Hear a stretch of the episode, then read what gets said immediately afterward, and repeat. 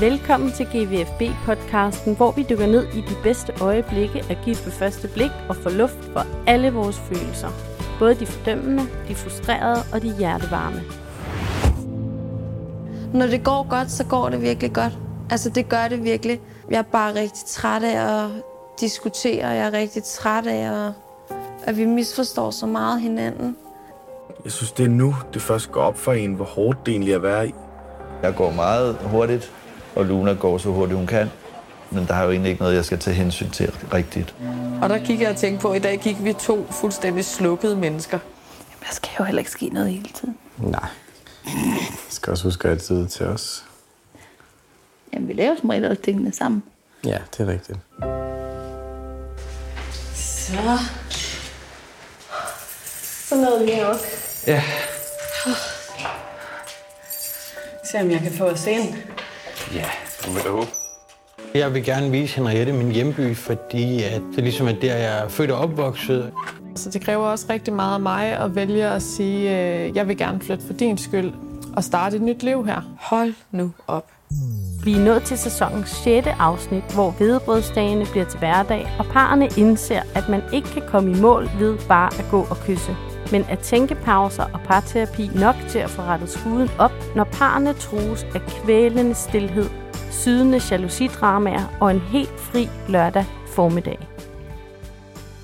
Jamen, hej venner. Så er vi her igen. Ja, Yep. hej. Hej, hej. Og, Hvem er du? Ja, hvem er jeg? ja, hvem er du? Den her øh, hemmelige, mærkelige stemme. som ikke er Tues stemme. Øh, I dag der har vi jo fået en øh, gæstestjerne med i GVFB-podcasten, fordi Tue han er taget til Beirut, og han har faktisk fødselsdag i dag. Øh, så tillykke til Tue. Tillykke til Tue. Ja. Ja, tillykke, du. og øh, jamen, det kan være, at du bare skal have lov til at præsentere dig selv i virkeligheden. Men først skal jeg lige vide, er jeg gæstestjerne, fordi at jeg har lavet MGP, eller DM i børnerap, eller det har slet ikke noget med det at gøre? Nej, nej, nej, nej, okay, sorry. Jeg var bare nødt til, når du siger noget med stjerne. Nej, men øh, jeg hedder, øh, jeg hedder Simon. Jeg er Hvad hedder du til efternavn? Simon Broen Andersen hedder jeg. Og jeg er jo gift med øh, Katrine Wismand. Ja. Øhm, dig, søde skat. øh, og jeg, jeg har jo fået den store ære af at øh, få lov at være her i stedet for Tue. Ja. Og det har jeg jo glædet mig rigtig meget til. Øh, og jeg har øh, alt muligt juicy stuff oh, på mit øh, notepapir her, som vi, øh, vi kan snakke om. Men det kan være, at vi skal love hinanden allerede nu, at øh, vi ikke kalder hinanden skat, eller noget, der minder om i løbet af udsendelsen, bare sådan, så folks ører kan få lidt sådan skatpause fra programmet. Jeg lover ikke noget. Nej, okay. Okay, baby, men jeg skal nok gøre, hvad jeg skal. Men Simon, jeg er bare sådan lidt nysgerrig. Har du, sådan, har du siddet i de sidste uger og brændt ind med noget, du var uenig i, som Katrine har siddet og sagt? Og sådan, hvordan kommer du ligesom ind i rummet i dag? Mm. Indebrændt eller Nej, bitter, altså, eller? nej, overhovedet ikke. Jeg tror måske, at mig og Katrine har lidt forskellige tilgange til øh, at se øh, og ligesom sådan arbejde med de følelser, der kommer omkring. Øh. Mm. Altså, jeg kan godt blive vred øh, og, og sådan... Du bliver meget frustreret, når du ser programmet. Ja, tit, det er det. Jo. Du, du er meget type GVFB øh, seertypen, der sidder og gemmer dig under tæpper, og nogle gange er nødt til sådan at trykke pause og lige gå en runde i stuen og tage dig til hovedet, og så sådan komme tilbage og måske spille guitar samtidig for sådan at distrahere dig selv lidt fra akavede Altså, situationer. og sådan noget. det afsnit, hvor at, øh, ude blodbadet i Bordeaux, det øh, udspillede sig. Altså, der var jeg nødt til at sidde med mine plug-høretelefoner, og så sætte dem sådan aller, aller yderst i mine, i mine, høretelef- øh, i mine ører, sådan så at altså, det ikke var så højt i mine ører. Ja. Fordi så kunne jeg ikke være det. Lidt ligesom når man ser gyserfilm med Ja, øh, skal han lav... pude og lige kigge hen over puden en gang Ja, ja, præcis. Ikke? Ja. Men, men generelt også er jeg sindssygt dårlig til at se det her program. Altså, jeg er så elendig til det, fordi at jeg, jeg lever mig så meget ind i det. Ja. Og øh, Det- jeg det, gør dig. så ondt, og jeg, jeg mærker alt, og jeg, jeg bliver så følsom. Ja. Så nu har jeg faktisk begyndt, det her er mit nye trick. Jeg er begyndt at sidde med min guitar, og, øh, og så kan jeg sidde med min elgitar, som ikke laver noget larm. Og så kan jeg sådan spille på den, mens jeg ser programmet. Og så er det som om, så kan jeg sådan skrue lidt ned for alle de der Følelser. følelser, ja. Og det gør faktisk, at jeg kan se programmet med fuld lyd. Men er der også en del af dig, der så holder af at se programmet? Ja, Kun jeg ved ikke, det har, altså, det har sådan en, der, der er en grad af masochisme i det, absolut for mig, at se den her. øh, Ja. Men det er så fint, der er mange forskellige årsager til, at man bliver fanget. ja. Øh, Det er dejligt, du er med. Det er Hvorfor dejligt, du synes har I det lyst. ikke? Jamen, altså, Jeg har ikke sagt, at jeg synes, det var godt. Du har det måske på samme måde. jeg synes bare, det er vidunderligt at se andre parforhold og andre menneskers følelser. Ja. Jeg kan nok også godt lide at, jeg kan nok godt lide at blive vred. Det må jeg nok indrømme. Jeg tror, jeg synes, det er lidt fedt at være sådan, mærke, at jeg har en stærk holdning til bestemte adfærdsmønstre eller personlighedstyper, og så ved jeg også bare, hvem jeg selv er lige pludselig. Mm. Det kan jeg godt lide. Ja.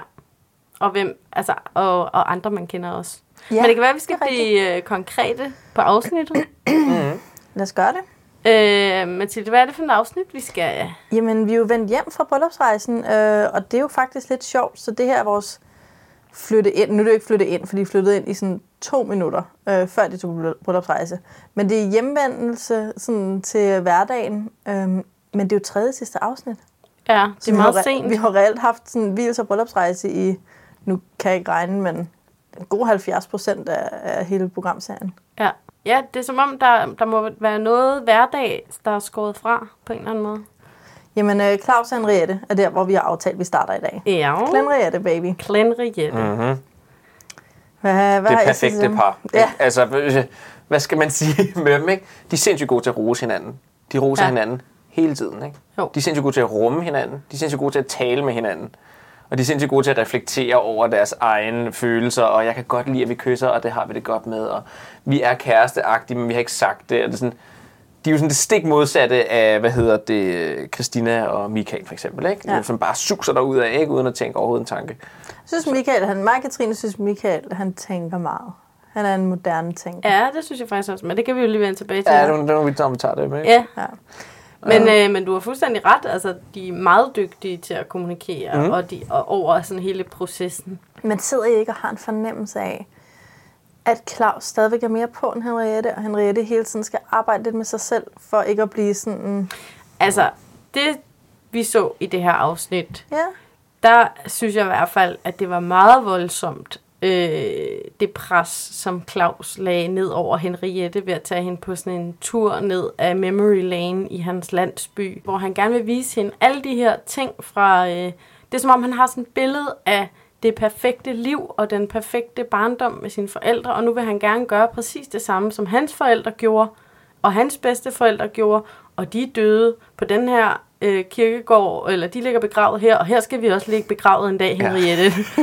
og, altså sådan, jeg synes ikke, det var sådan, sådan helt, altså jeg synes ikke, Henriette virkede sådan super frisk på hele det der, og hun begyndte også at snakke om, at hun glædede sig til at komme tilbage til dejlige Silkeborg og sådan noget.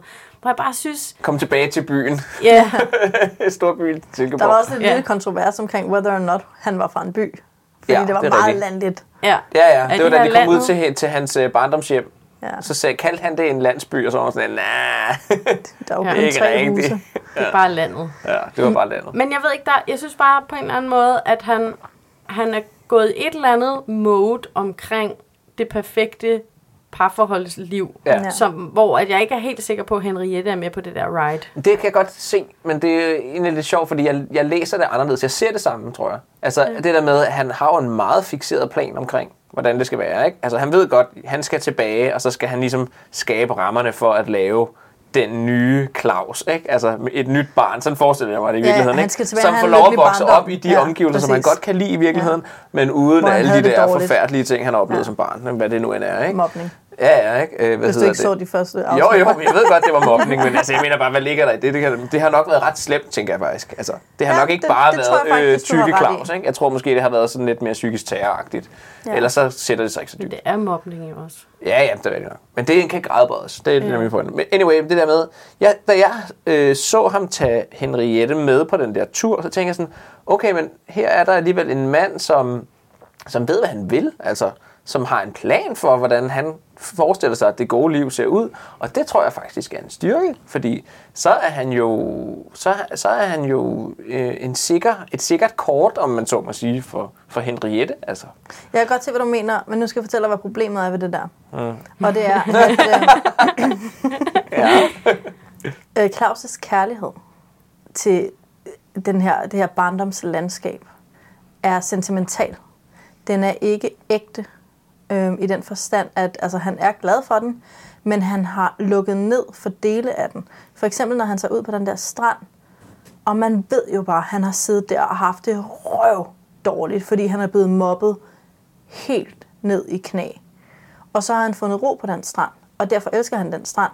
Men han lukker ned for den del af fortællingen, der hedder, den her strand minder mig også om, hvor hårdt det var, og hvor forfærdeligt det var, men også om, at her kunne jeg ligesom være alene. Og det er ret trist egentlig, at en 8-årig dreng er glad for at være alene. Han skulle være glad for at være sammen med sine venner, ikke glad for at sidde alene på en Men strand. sagde han, at han havde siddet der alene, eller hvad? Jamen, eller har han. tolker du Nej, bare? det er mig. Det er mig, Det er Mathilde, der tolker, men han sagde, han sagde, at han var kommet der rigtig meget som You barn. know.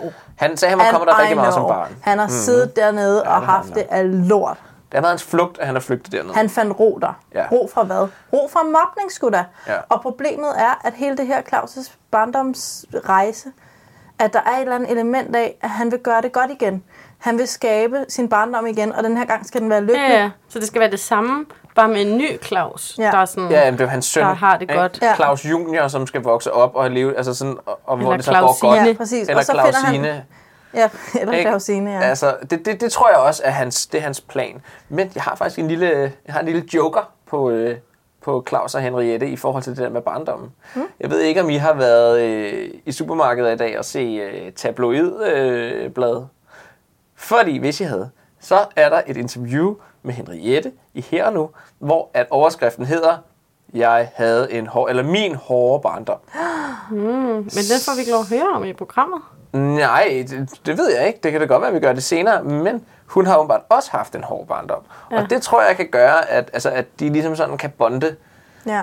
Altså hun kan bedre sætte sig ind i det der med, hvor, hvor, hvor meget det betyder for Claus. Men det har vi jo allerede set, at hun er ret god til at takle mm. altså, hans anekdoter omkring det, ja. og mm. altså, kan sagtens rumme det, og det synes jeg også bare er så fint. Altså, han skal bare have lov til at, at være Ja. med det. Men jeg synes, men, men hvor, er hun, hvor er Henriette henne i hele det her? Jamen, hun kan ikke komme ind, når han skal være sentimental. Altså, det er lidt ligesom det der med, at han gør, hvis I ser der nogle gange, hvor man kan se, hvor Claus lige pludselig kysser Henriette, eller nusser Henriette, fordi han bliver trist, han bliver lidt nervøs eller usikker på hende. Og i stedet for at give udtryk for den usikkerhed, eller nervøsitet, eller tristhed, sådan så Henriette kan tage initiativet til at trøste ham, være der for ham, gribe til ham, så reagerer han på den ved at kaste sig over hende, og det skaber bare sådan en mismatch, synes jeg. I hvert fald i mine øjne. Nej, det oplever jeg altså ikke. Jeg synes, han- jeg synes han er de er sådan- meget godt får- velbalanceret i forhold til det der med... Når du får en negativ følelse, hvis din reaktion er at, altså sådan, i stedet for at give Men jeg ærligt synes slet udtryk ikke, for at han har vist nogle negative følelser sådan rigtigt. Så I det i slow motion? Because I did.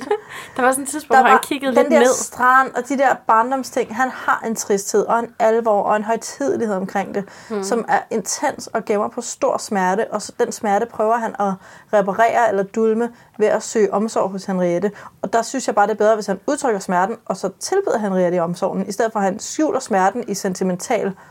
Alt var godt og smukt, og så, skal hun, og så begynder at nusse hende og kysse hende. Nej, han er totalt beyond det der. Altså, han, han er kommet over... Nej, det er han jo, jeg tror i en eller anden forstand er han. Altså, og på en eller anden måde, så kommer han, han, kommer nok, han kommer aldrig over det på den måde.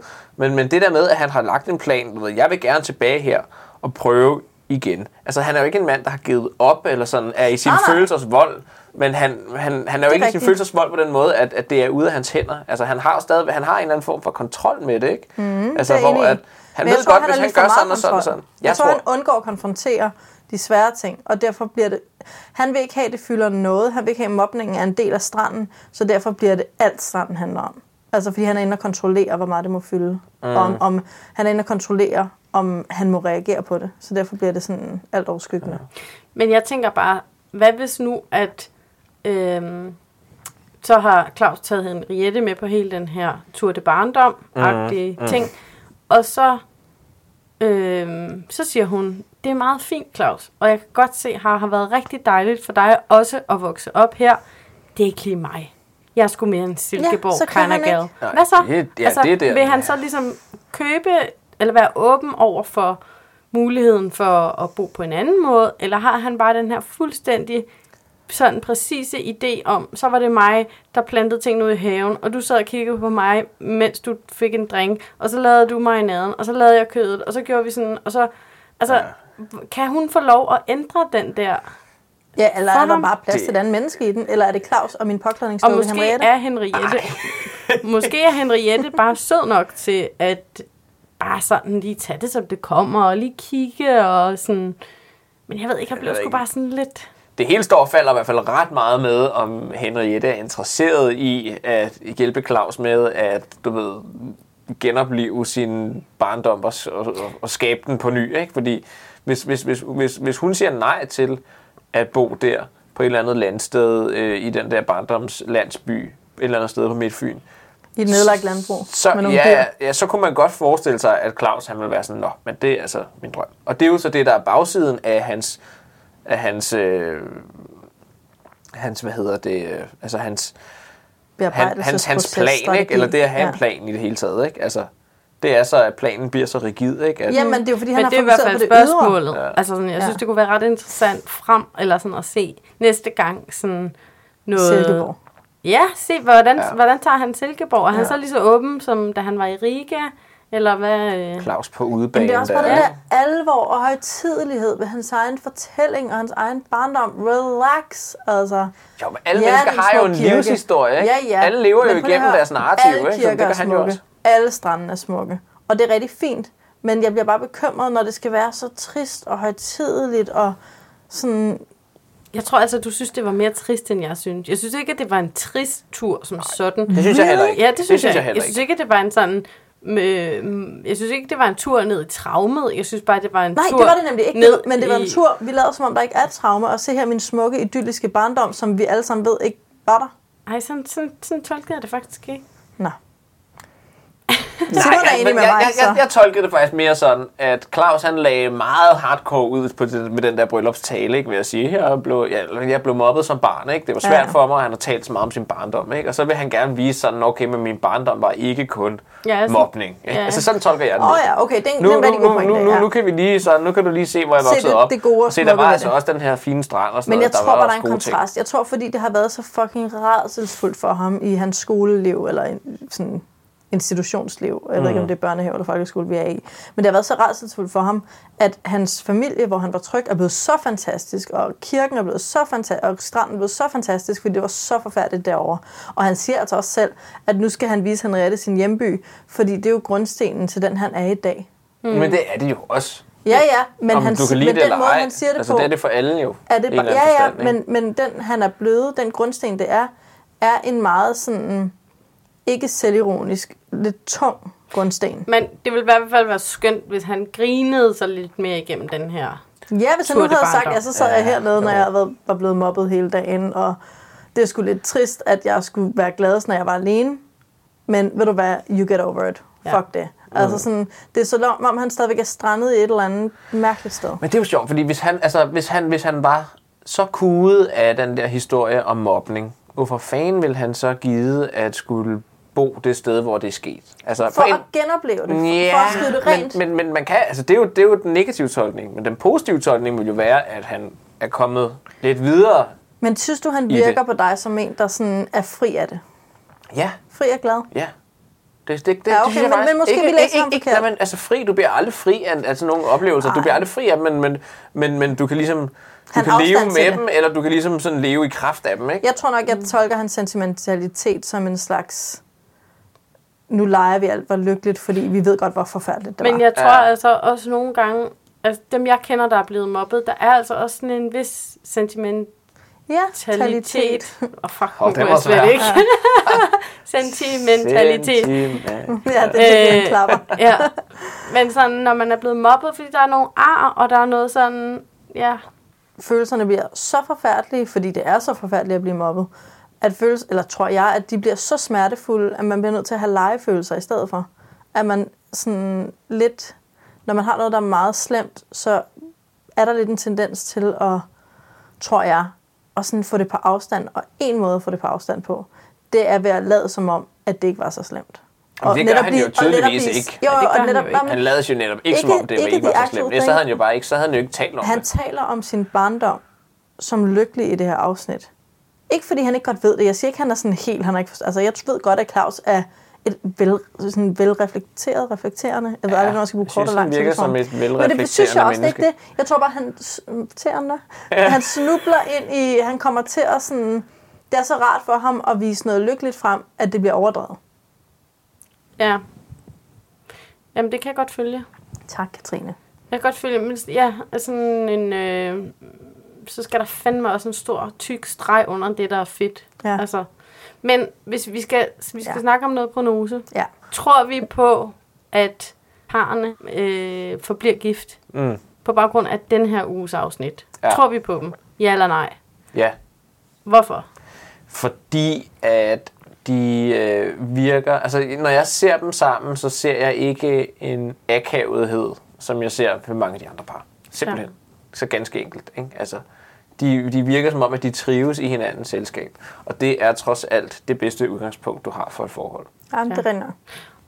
Jeg siger også ja, og det er også fordi, at på trods af alt det her, øhm, den her tur, som jeg synes var lidt off, så er Henriette stadig sådan, synes, at det var så cute, at øh, han altså havde noget med, at han nogle gange lige fik noget i øjet, og det, og kan jeg huske, vi snakkede om, der var du her så ikke, men vi snakkede om det der med, om man var til at blive blinket, eller ej, det. og hun er så meget til at blive blinket af Præcis. Claus stadigvæk, så jeg er stadig, ja, Ja. der mangler stadig et stort øh, drama, for at det ikke skulle kunne fungere. Mm-hmm. Jeg tror bare, jeg sidder lidt og lever mig ind i Henriette nogle gange og bliver ensom. Altså, jeg føler ikke rigtigt, at... Jeg føler, hun kommer til at sidde alene med nogle betragtninger om Claus og nogle tanker om ham, som hun ikke kan sige til ham. På grund af den, han er, på grund af, hvor sårbar han er omkring nogle af de der ting. Og hun gør det faktisk vildt godt, og han gør det... Altså, når hun endelig siger sådan det der joken med smøret, hun er sådan, nej, det er jo kikset, og han er sådan, nå, sådan er jeg. Eller sådan. Ja, det var fedt. Det var super fedt. Altså, det var, det var, øh, det var menneskelig storhed. Hun mm. turde Ja. påpege, at hun synes, det var kikset, og han turde sige, Og det må du finde dig På en sjov måde. Præcis, ingen var aggressiv, begge var sådan, men der var også noget styrke i begge to. Altså, de, Men det fandt de jo i, i hinanden jo. Ja. Fordi hvis hun havde været usikker på ham, Ja. så havde hun syntes, det var mega pinligt, at hvad, han, hvad nu Ja, end det var, han gjorde med det smør, ikke? Så havde hun syntes, at, så havde hun ikke kunnet være i det. Ja. Og hvis han havde været usikker på hende, så, havde han, så var han jo blevet usikker over, at han havde Ja, gjort ja, noget det- mærkeligt. helt Ikke? Altså, andet, hvor de, de fandt jo netop styrke i hinanden. Ja. Ikke? Sådan lidt, nå okay, men jeg gør mærkelige ting. Åh, men, okay, men det synes jeg er meget cool. Ja, jeg ved også godt, jeg er lidt underlig. Nå okay, men ja, og så er vi, det okay. vi er ligeglade, fordi vi, vi kan godt lide hinanden. Men det så er der, fuck jeg bliver splittet, fordi når jeg lever mig selv ind i det og tænker, hvis jeg var Henriette, eller, eller hvis jeg var Claus faktisk, at så tænker jeg, ej, det går aldrig, det går aldrig. Men jeg siger faktisk ja, fordi jeg tror, både Henriette og Claus er sådan, sådan større, mere sådan velfungerende mennesker i parforhold, end jeg faktisk er. De tager begge to nogle gange nogle, nogle af de der sammenstød konfrontationer, hvor jeg sidder og kommer tær og er barnlig eller flov eller et eller andet, mm. og det er de ikke. Mm-mm. Så, så jeg siger ja, og jeg siger faktisk ja, men sådan lidt imponeret mine over, at de kan hinanden så godt. Mm. Mm. Rigtigt. Ja. Helt vildt. Kæmpe forbillede for Ja, ja, et hvert par Ja. Bare han var sådan. Skat. Jo, skat. Oh, sød skat.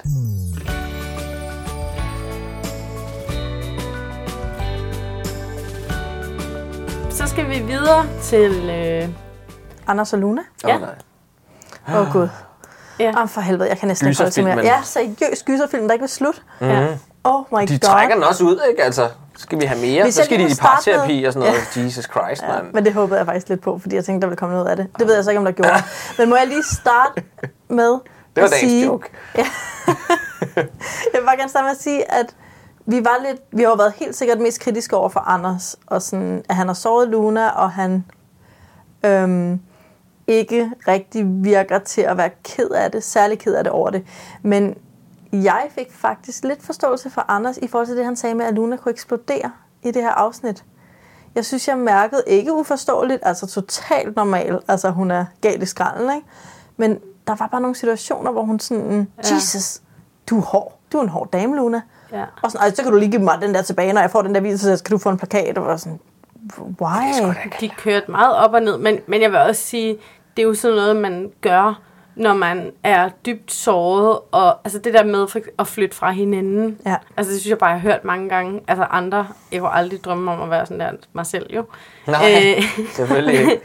Nej, men jeg mener det der med, når man sådan skal fly- gå fra hinanden, eller flytte fra hinanden, Så man- og så kan man bruge hinandens ting i sådan en skyttegravskrig-agtig, øh, og holde på, holde på nogle ting, og så være sådan, du får ikke den her, før jeg får den der, og jeg vil gerne have min øh, stavblender der sker her? tilbage. Er det sådan- og, og så er det sådan en eller anden måde at tage noget magt. Man har mistet kontrollen og magten, og det eneste, man kan gøre nu, det er at holde på den fucking vis- hvielsesattest med alt, hvad man har, ikke? Og de ting, som man stadig har, som den anden vil have. Altså jeg fik sådan, Præcis. nu, nu hvor vi er i krigsmetaforerne, så var jeg, fik jeg sådan en total øh, Vietnam øh, krigsflashback til et af mine tidligere forhold, altså hvor jeg var i præcis samme situation, ikke? Ja. hvor vi skulle flytte fra hinanden, og så det med tingene. Og de der ting udvikler sig bare til øh, automatgeværer og granater, fordi altså, Ting, man har købt fælles. Ja, ja, Ting, præcis. man har givet gave. ja ja, og jeg har givet dig den i gave, nå, men så beholder jeg den. Ikke? Nå, men jeg er ligeglad, du har givet mig den, ikke? Ja, og, så- og du synes, den var så fed, men nu tager jeg den med Men hjem. jeg ikke? håber da bare, det var Nå. en nice ting, og ikke en hvilelsesattest på det dårligste ægteskab i verdenshistorien. Who Det er, jo ikke, men, det, men det er jo lige præcis derfor, at det handler jo netop ikke om ligegyldigt. hvielsetesten. Det handler jo om, at han skal kraftedeme ikke have noget af hendes. Nej, og ikke? hun kan måske mærke, det betød faktisk måske en lille smule for ham at have den hvielsesattest. Ja. Så Ja. ved at tage den fra ham, Men så lige- kan hun Ja, sådan... en flake lige kan spørge, hun måske- Hvorfor betød den noget? Det synes jeg også bare var lidt spændende. var hvorfor vil bare- nogle af dem have de minder? Som, hvorfor vil de have minder? Altså, Anders holder jo stadig fast i, at han synes, det var en skøn bryllupsrejse. Ja, ja. Altså, jamen, altså, What the øh, fuck? altså, hvis vi skal tale om, om hans mærke... Ja. Jeg, har, jeg har skrevet nogle noter på mit notepapir, som jeg ikke ved, om tåler dagens lys, altså i forhold til det der med... Er der bare sådan skelethoveder og bomber, der eksploderer? Og Nej, sådan? nej, men bare i forhold til lige præcis det der med, at hans fuldstændig forkvaklede oplevelse af situationen, ikke? Ja, det bliver vi nødt til at der tale hvor om. han kigger, det bliver vi simpelthen nødt til at tale om, ja. der hvor han kigger i, øh, i øh, hvad hedder det, den der mappe med billeder, Billeder, i. ja. Sikke nogle gode billeder. Ej, Ej, det se, var en dejlig var. dag. Han minder seriøst om sådan Og en seriemorder, der kigger på sin kraniesamling og mindes hans tidligere ofre, ikke? Altså seriøst. Du ved, hvor mange af de der øh, mapper har han, ikke? Med, med kvinder, han har slået ihjel følelsesmæssigt, ikke? Ja, præcis. Nej, det var dejligt. Se, hvor hun smiler. Jo, han siger jo på et tidspunkt, at det her, de her billeder bekræfter jo, at, han, at der var en eufori. Altså, vi bliver nødt til lige at break down Anders' historie om det her. Ja. Ja, ja. Det er Hvad- så vanvittigt. Hvad er hans historie? Med, I forhold til hvad? Han siger, at han var ikke tiltrukket af hende, da han så hende. Mm. Men så insisterer han på, at det var nogle gode b- dage sammen. Ja, ja. Amen, Men jeg tror, det stikker i men vidt forskellige retninger. Ja. Nej, det altså. synes jeg faktisk ikke. Jeg synes faktisk, også med hele det der parterapi-session, at han fortæller, at han fra første øjeblik kunne se, at han ikke var tiltrukket af hende, men han ville rigtig gerne sørge for, at hun havde det godt. Og så levede han sig fuldstændig ind i, hvordan får Luna det godt. Det gør hun ved, at jeg også er med på den her. Og han har sikkert synes, hun var sød og venlig, og så har han bare kigget hende i, i, i øjnene, eller ved siden af øjnene, eller mellem øjnene, eller et eller andet, og så bare ignoreret sådan alt, hvad han kunne se, fordi det kunne han ikke lige overskue. Og, og så har han bare ligesom levet det, og så vågnede han op et par dage senere og var sådan, øh, nu kan jeg faktisk ikke leve i den her fake Men det, er jo, men det er jo ikke en umiddelbar eufori, vel? Så er han jo ikke blevet oversvømmet af Men tænke på- euforiske følelser, som at han bare Han- ikke kunne styre. Hans vel? Så er han jo netop... i, at han er har haft blevet succes gift. med at gøre hende glad. Nej, Det er hans nej, nej, nej, nej. Hør nu, hør. Det er den ene del af det. Mm. Han har set hende være rigtig glad. Det, det er den ene ting. Så har han lige sagt ja til at gifte sig med nogen. Hans kæmpe store drøm. Det er den anden ting. Mm. De har drukket alkohol. Deres familie har været der og sagt super mange søde, kærlige ting. Han har stadig været sådan, måske kan det her noget, et eller andet. Måske kan det ende et sted. Og så Ja. ja. lige pludselig så kunne han bare ikke leve i den der... Altså, så var det overstået. Festen var forbi. Det var wedding blues. Jeg har prøvet at have dem. Ikke på samme måde. Super. Men you, Simon. Fedt, det er godt, du, det kommer frem nu. Nej, jeg mener bare... Du skal ikke lave en Anders på mig, det kan jeg godt love for. hør nu, hvad jeg siger. At han har haft en vidunderlig dag, og han har brugt alt det, de glædes, alle, alle de glædestoffer, han havde inde i sin krop, er forduftet. Og så er der bare tilbage sådan, nu er den her vidunderlige dag overstået. Og så er man sådan lidt,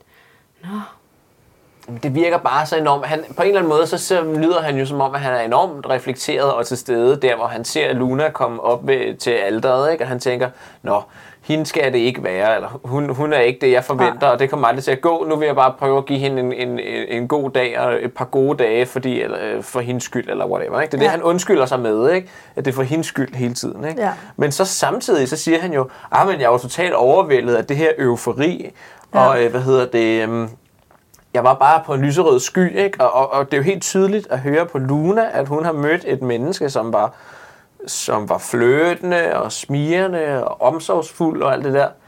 Og så lige pludselig, så, så flipper han. Ikke? Men, Ja. men, men, men de to fortællinger, de hænger jo ikke, de passer jo Nej. ikke sammen jo, fordi du kan jo ikke både være super til stede og reflekteret, og så samtidig være i en euforisk ros. Nej.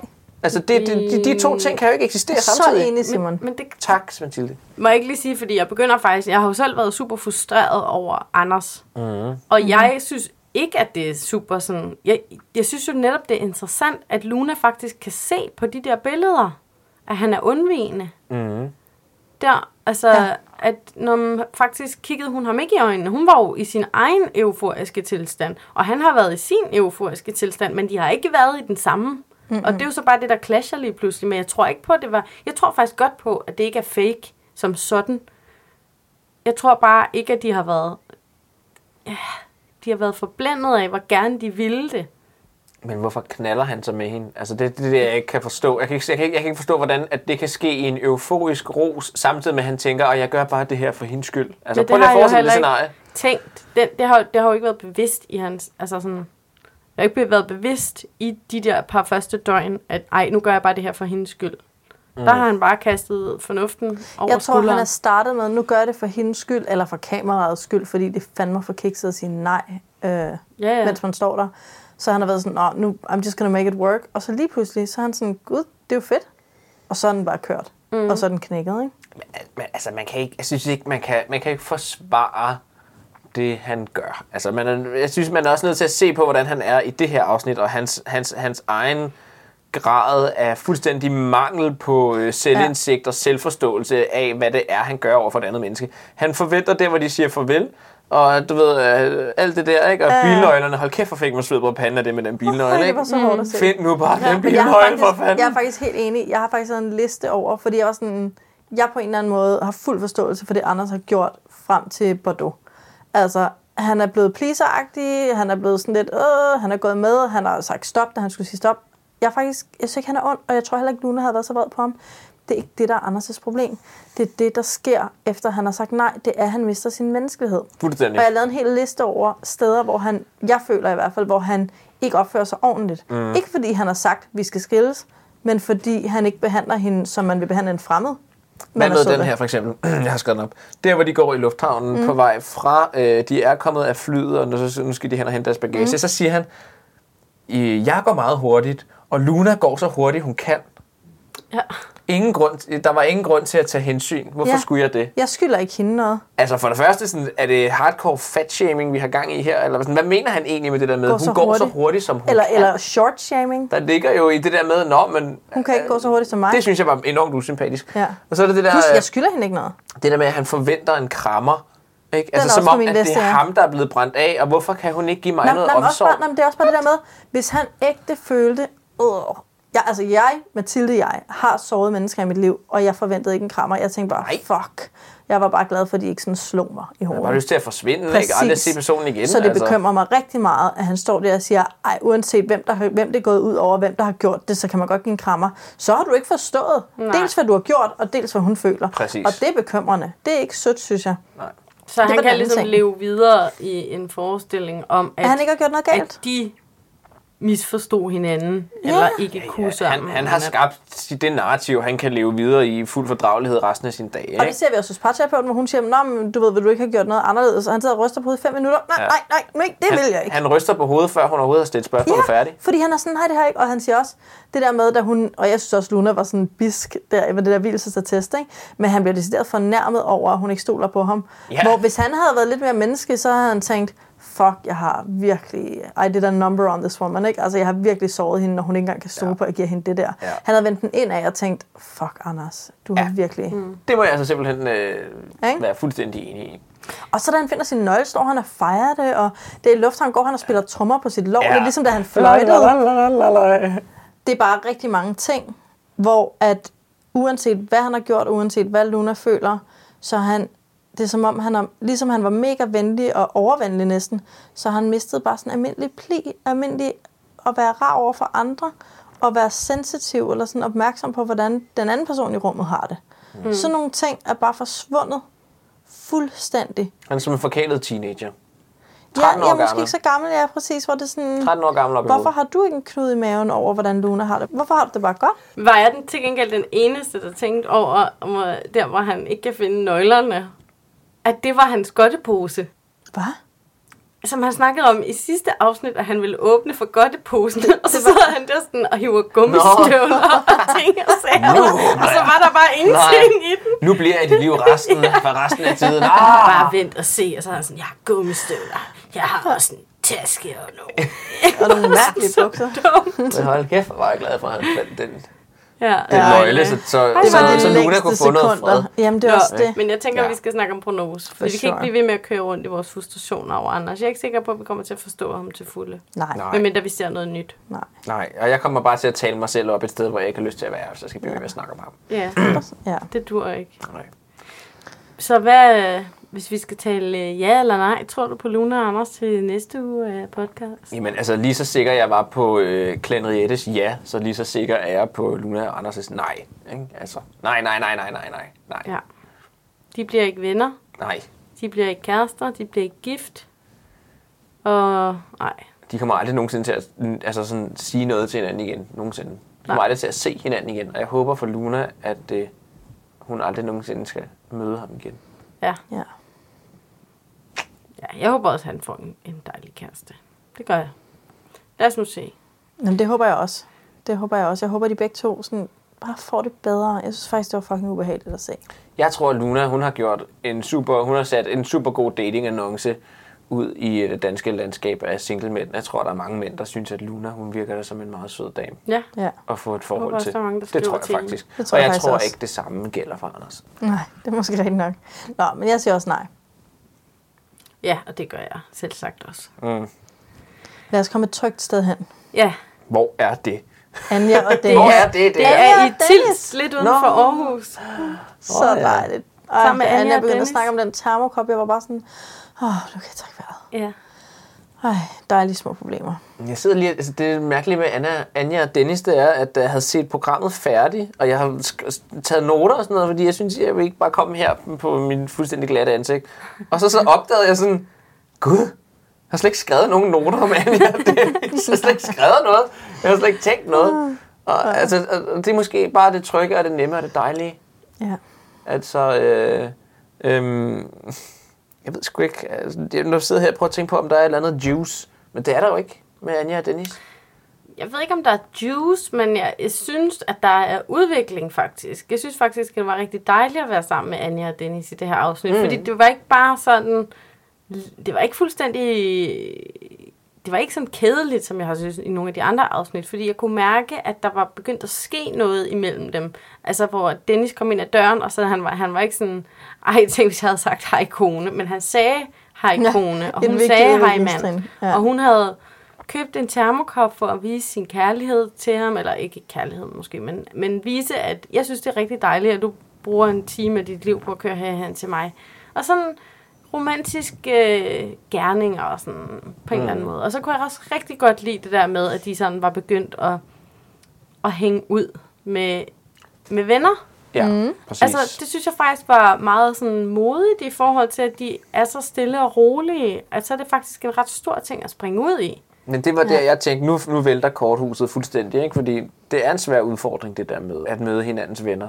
Og så var de bare sådan, ah, men det, hun var lige, ligesom hun plejer at være, når vi er sammen. Og han var ligesom han plejer at være, når... Men jeg altså tror, sådan, Nå, ja, jamen, det er rigtigt nok. Jeg tror bare ikke, at Anja og Dennis' største udfordring er det med med venner. Jeg tror, det er at være alene og ikke have nogen planer. Mm. Jeg tror, det er der, de skal passe på. Øh, fordi de er søde, og de er gemytlige, og de ligner hinanden nok til at ligner hinanden ret meget. Så det der med venner, tror jeg ikke gemmer særlig mange farer. Men det der med, de, altså, hvad skal vi lave lørdag inden klokken 3? Sådan, de, de leder efter plan. Det, det er jo ikke noget Mm. med, at vi har mange ting. De leder efter noget at fylde dagen ud med. De er Altså- jo på flugt fra et eller andet. Nej, det tror Jo, jeg ikke. det tror jeg. jeg. tror, de, altså, de er jo også bare nogle mennesker, der vildt godt kan lide at være aktive. Ja, og men det er vi måske andre, der ikke kan relatere til på samme måde, og har Ja, lyst til at bruge lørdag formiddag på at motionere. podcast. Hvad snakker du om? ja. Men sådan, de synes jo, det er fedt at røre sig og. Ja. fylde bagagen op med oplevelser. Og jeg Ja, ja. Og det er jo fair jeg nok, anerkender altså. guldråden. Jeg tror også bare, der er en pisk. Jeg tror, der foregår noget, som de gerne vil væk fra, når man planlægger hver dag, hele dagen, og lige så snart der er en fri formiddag, så er man sådan, hvad skal vi putte i den? Mm. Hvorfor bliver man ikke glad, når man ser en fri formiddag i kalenderen? Jamen, det, det kan jeg godt forklare. Det er jo fordi, der er nogle mennesker, der på et eller andet tidspunkt i deres liv lærer, at mit liv fungerer bedre, når jeg, har, når jeg, når jeg plotter alle huller ud med ting. Og hvis jeg ikke har, øh, hvis jeg ikke har en plan, jamen, så bliver jeg øh, Deprimeret. så bliver jeg deprimeret ind i. Ængstelig. Ja, ja. Et eller andet. Og det er jo så det. Men hvis Og det, er virker jeg for dig bare, at Jamen, du det er ved at lave nok. planer, det, det er kan bare, være det er der bare mange, der det, gør. jeg sætter fingeren Det på, hvor jeg fint, siger, vi skal også bare huske, at selvom at det er rigtig fint og rigtig vigtigt at finde den medicin, der virker for en, Mm. så er der nok også noget, man pjekker fra, når man bruger den samme medicin hele tiden. Og du tænker, at det er sådan en nærhed? Ja. Eller?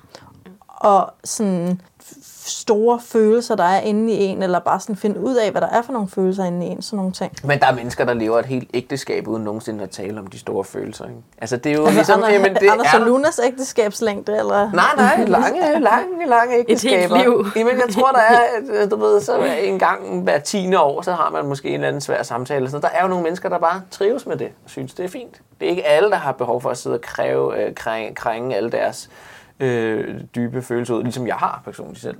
Altså, Du er dejlig jeg gør det hver dag. øh, hvis ikke jeg kunne gøre det, så ville jeg eksplodere. Ikke? Altså, men jeg tror faktisk, der er, jamen, der er nogle mennesker, som Ja. synes, det er fint bare at... Men øh, Anja havde også det der med fyldsnak. Jeg tror, Anja har en truende tomhed inde i sig. Det tror jeg. ja, nu lægger jeg bare lige. Jeg tror, at Hvorfor hun... skal du gøre lige præcis det sikre par usikkert? Ja. Ja, jeg vil gerne tage det hele tilbage og sige ja til det her par. Nej, men altså, der, der er jo ikke nogen tvivl om, at det bare kører for dem. Ja, ja. Men jeg tror, du har ret i, at, at, at der er noget med, at det er nyt for Dennis overhovedet at have et forhold. Øh, så, så han har jo ikke prøvet at fordybe sig med et andet menneske før. Og det kræver sikkert noget tid, men jeg tror altså faktisk godt, at han kunne blive okay god til det. Også fordi, som du siger, at den jeg gerne altså, ikke gider bare fylde snak. Mm-mm. Så jeg tror godt, de, altså, det er måske næste fase. Nu Ja, okay. er de i gang med at sætte fysiske rammer og kalender og middag og alt det der, som de har cravet at få. Og så bagefter, så, så jeg tror faktisk, de begge to kommer til at have, have brug for, øh, for det der mere sådan intime nærhed og sådan noget. Ja, man kan da godt forestille sig, at de kører i det der tempo i et par måneder eller sådan noget, og så finder Ja. de ud af, Så begynder der at ske noget. gud, jeg elsker faktisk, når du gør sådan. Ja. Ja, eller jeg og, hader, når du gør sådan. Det kan også noget. Men det kunne også Ja. være, at de sagde, jeg elsker faktisk, når du gør sådan. og hvor ser du smuk ud, eller et eller andet, og skal vi ikke kysse, og, og ej, vi er blevet lidt fulde, og så, øh, Uh. du ved ikke, og så, så kunne det jo være, at, at, at, det er, at det er den setting, de har brug for, for ligesom at finde kærligheden. Ikke? Jo. Det tror jeg. Jeg er i hvert fald stadig ja med Anja og Dennis. Også og, mig. Det skal der ikke være Jeg tvivl synes om. faktisk, det var rigtig dejligt at komme hjem fra den bryllupsrejse. Ja. Og det der sightseeing. Og man Og- føler, de griner mere, og der er lidt mere frihed. Og, Ja. ja helt sikkert. Jeg siger også ja. Der er også lidt mere kærlighed, og der er sådan lidt mere fløjt. Jeg synes, i Ja. starten var det lidt svært med fløjt, så jeg siger også ja. Fedt. Fedt.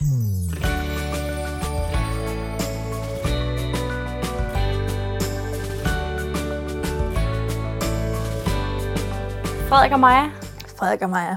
Åh oh, ja. Skal vi ikke starte med at få afklaret den her miskommunikation? De Hvad har. tænker du specifikt på? Hvad for en af dem? Ja. Jeg tænker på den første, hvor Frederik han siger det her med, når man så regner han med, at han sover hjemme, og så Maja sådan, ja, ja, når man, øh, altså var det der, der, altså hvor så siger hun bagefter, altså det går jo stik imod eksperimentet. Ja. ja.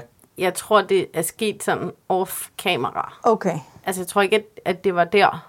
Okay. Jeg det tror, at det var sket inden, og det, som vi så, var bare, at nu havde han altså besluttet sig for at tage hjem, og så skulle de ses om nogle dage. Okay. Ja, men det Men- var helt tydeligt, de havde jo begge to aftalt, at hun skulle besøge sine, øh, sine forældre, og han skulle besøge sine forældre i weekenden. Ja. Men det han gør, det er så, at han tager hen og besøger en kammerat om onsdagen. Ja. Eller sådan Ja, noget. hvad det ikke? er, ja. Ja, i hvert fald et par dage Og så før. sover han hjemme et par dage før. Ja. Plus de to dage, hvor han så er sammen ja. med forældrene. Og det er det, hun synes, der er. Men, men jeg synes faktisk, det var lidt mærkeligt, at sådan, hvorfor, hvorfor hun skulle blive såret over det, når hun også har været så overvældet. Hvorfor ikke bare gribe den her chance til at få lidt space, når hun jo også synes, det er så svært. Jeg Jeg, tror- kan godt se, det er imod eksperimentet, men måske er eksperimentet lige meget lige for et øjeblik. Måske skal du bare lige Oh, chill, coming woman. from you. Ja. Vildt. Ja, ja. Fordi, jeg, fordi hun bare bliver mere, mere ked af det. Altså, jeg tror ikke, problemet er, at han skal derhen. Jeg tror, problemet er, som sædvanligt, at han har ikke kommunikeret det godt. Det har bare lige pludselig været sådan, Nå, så skal bare sådan der. Og så er det sådan, kommer du ikke med hjem? Altså hvis han var gået til hende Ja. og sagt, øh, nu skal du høre Maja, jeg er sygt presset med min sociale angst, eller hvad, altså jeg, jeg skal have ro nu. Altså jeg har virkelig brug for et pusterum, øhm, og det har jeg brug for, sådan, så jeg bedre kan være normal og mig selv sammen med dig, og sådan være tryg og sige det, jeg tænker, og ikke sidde og være så hæmmet. Derfor har jeg brug for at skynde mig hjem og være mig selv. Kan du klare det? Altså kan du acceptere det, og vil du stadigvæk gerne se mig på fredag, hvis jeg tager en dag eller to derhjemme? Så tror jeg ikke, mig har haft Men et det problem. vil Frederik jo aldrig Nej, sige. nej. Øh, Nej, det er det, der er mig og min social angst. Ja, præcis. Det er jo det, der... Altså, Ja, ja, ja, ja okay, det er grundlæggende. Men, men en eller anden version af det, hvor man var sådan, hey, jeg har et forslag. Kan du leve med det her? Jeg tror, han har været sådan, ja, det, det tænker jeg. Så, så, ja, sådan afvigende. Han Ja, har ikke været snakket direkte. Nej, og Nej, det nej. Og det sådan, synes jeg faktisk også har været lidt sigende ved øh, det, som vi har set med Frederik indtil videre, at han er, han er overraskende god til at tale ind i kameraet Ja. og beskrive sine følelser. Mm. Men så snart han sidder sammen med hende, så sker der et eller andet, hvor han bare går totalt øh, sneglehus på den, og bare kravler fuldstændig ind i sig selv. Ja. Og af en eller anden grund, så, så, så er det som om den der dagbogsting med kameraet fungerer bare for ham. Altså, Jeg vil nærmest sige, at han er et talent. Ja, Jeg synes, han er så god til at reflektere over sig selv og se nuancer og lægge det ud og tænke højt. Og han er så nærværende og ærlig over for det kamera. Jeg er dybt imponeret. Men vi har også at gøre med manden, som godt kan lide at rejse alene. Ikke? Ja. Vi har at gøre med manden, som godt kan lide at være i sit eget selskab, og som bliver usikker på sig selv, når han er i andre menneskers selskab. Ja. Det er det, der er hans det kerneproblem. kamera det er det, han selv siger. selskab. Hver eneste gang, han siger noget, så er han bange for, at enten at gøre de, nogle andre kede af det, eller at nogle andre synes, at han er mærkelig, eller at nogle andre synes, at han siger, siger noget forkert. Men det er måske det der med, at der ikke er nogen, der svarer ind i kameraet. Ja. At det er ikke, fordi han ikke kender sine egne følelser, eller egentlig kan finde ud af at beskrive dem, men han kan bare ikke på en eller anden måde rumme, at der kommer en menneskelig respons. Præcis. Og det gør der bare ikke med et kamera. Det glor bare på dig, og så kan Nemlig. du bare åbne, åbne hjertet på en eller anden Og måde. det er jo super synd, fordi netop, han er jo Han er ret skøn. Han- altså, han han, er er ret ref- skøn foran det kamera. Ja, Han er i hvert fald en reflekteret mand, ikke? Altså, Ja. han kan jo godt sådan selv i tale sætte ting, og jeg synes stadigvæk, det faktisk er svært for mig at, at gennemskue, hvem er ham her? Hvad er hans Er interesser? Ja, altså, kan Jamen, han lige spille mad, computer, altså, eller... Har du ikke set programmet? Han kan Han godt lide kan- mad. Han, Han lavede, kan godt han, han lave lavede kyllingebryst i sous vide. Altså, der er ikke noget fedt på. Nej, det er også en ting. Det smager sikkert meget godt. Jeg har aldrig prøvet sådan en sous vide. Du mener sous vide. Jeg har aldrig prøvet sådan en sous vide. nej, det var Men- da men- ham, der sagde det jeg ikke, forkert. men jeg synes... Ja, ja. Det hedder da en sous vide, ikke? Ja, ja. Jeg driller. Jamen, jeg ved ikke, hvad der er Nej, rigtigt. jeg Så det er driller bare Simon Frederik. tror ikke, jeg Nå, tror, du undskyld. mener det. Nej, jeg mente det Nu ikke. bliver jeg ligesom Frederik. Nu er jeg bange for, at jeg siger noget forkert. Og det bliver en hurtig podcast. Det hedder den ene er en faldet sous vide, men han sagde sous vide, Ja. ligesom musvide. Ja, ja, men det hedder da sous vide. Sous vide, tror jeg, med det. Nå, ej, jeg tror, du kan fransk. Og oui, je parle français, c'est un sous vide. Jeg ved så ikke, hvad det er overhovedet. Det ved jeg godt, det er sådan en vakuumpakket. Du, du, du, Anyways. Nå, godt, Katrine. Keep us honest. Der var også noget, der undrer mig. Ej, hvis jeg skal være ærlig. Irriterede mig. Shocker. Ved Frederiks forældrebesøg. Når han står og siger til mig, at han vil gerne hjem til sine forældre og lige snakke tingene igennem. Og så tager han hjem til sine forældre, og så kommer han tilbage, og så har han ikke snakket det igennem. Mm. Og jeg bare sådan... Mm. Men det var også bare noget med måden, han sagde. Øh, ja, og så siger de sådan, om du må endelig sige til, øh, hvis der er noget. Og så er bare sådan, ja, ja. Som om han var sådan en teenager, der ikke kunne finde ud af sådan, at kommunikere med sine forældre. Hvor det bare blev sådan lidt sådan, men nu er du jo faktisk voksen. Ja, så enten må du tage snakken, eller også må du bare lade være med at tage den. Men det der med at være sådan irriteret over, at ens forældre er nysgerrige på, hvad man render rundt og laver. Det er Ej, sådan det er lidt... lige omvendt. Han, han sagde jo netop, at han var ked af, fordi han, det var, ja, sådan som jeg læste ham, så var det, at han havde prøvet, at, det har han også sagt tidligere i det tidligere afsnit, at han, han har svært ved at tale om følelser med sine forældre, og det er derfor, at det er det, der, der gør, at han er, kan virke lidt indelukket Nå, og så sådan du noget. Det, er for- tror, det var fordi, at de så ikke ville tale med ham de om havde det? sagt, at du kan bare sige til, hvis du vil tale om det, men han havde faktisk brug for at tale om det, men han følte ikke, at han var i et rum, hvor han kunne tale om det med dem. Det var sådan, jeg Men læste hvorfor siger han så, at han skal hjem og tale med sine forældre om det? Jamen, det er jo fordi, at han ville gerne tale med sine forældre om det. Og det er sådan Men noget, hvor er din siger, realitetssans? Jamen, ja, Altså Simons eller min eller Frederiks? Hvor er din realitetssans?